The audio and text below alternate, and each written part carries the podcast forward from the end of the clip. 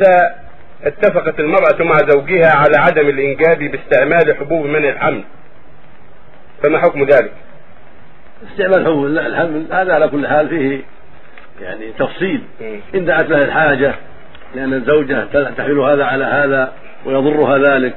ولا فلا بأس باستعمال الحبوب مع العناية بعدم ضررها وأن يكون ذلك عن إشراف طبيب وعن معرفة.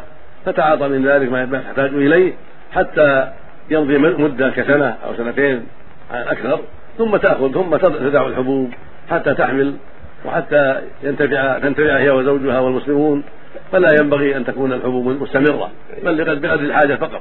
أو لكونها مريضة يضرها الحمل إذا حملت لا لا لا تلد إلا بعمليات ومضرة فتأخذ الحبوب لأجل هذه المضرة العظيمة أو لأسباب أخرى شرعية. أما اعتيادها مطلقا فلا ينبغي ذلك. بل هذا يضر المجتمع ويضر الحكمة التي بينها الله جل وعلا على لسان رسول محمد عليه الصلاة والسلام في الحث على الاستكثار من الأولاد لتكثير الأمة. فإن الكفار والمشركين يحبون أن يكثر هذا في الناس. يحبون أن يكثر بهم تعاطي الحبوب حتى يقل نسل المسلمين وحتى يقل عددهم وحتى يكثر عدد أعدائهم. هذا مطلوب للكفار.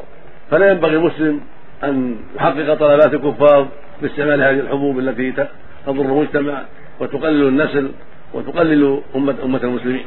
والله المستعان.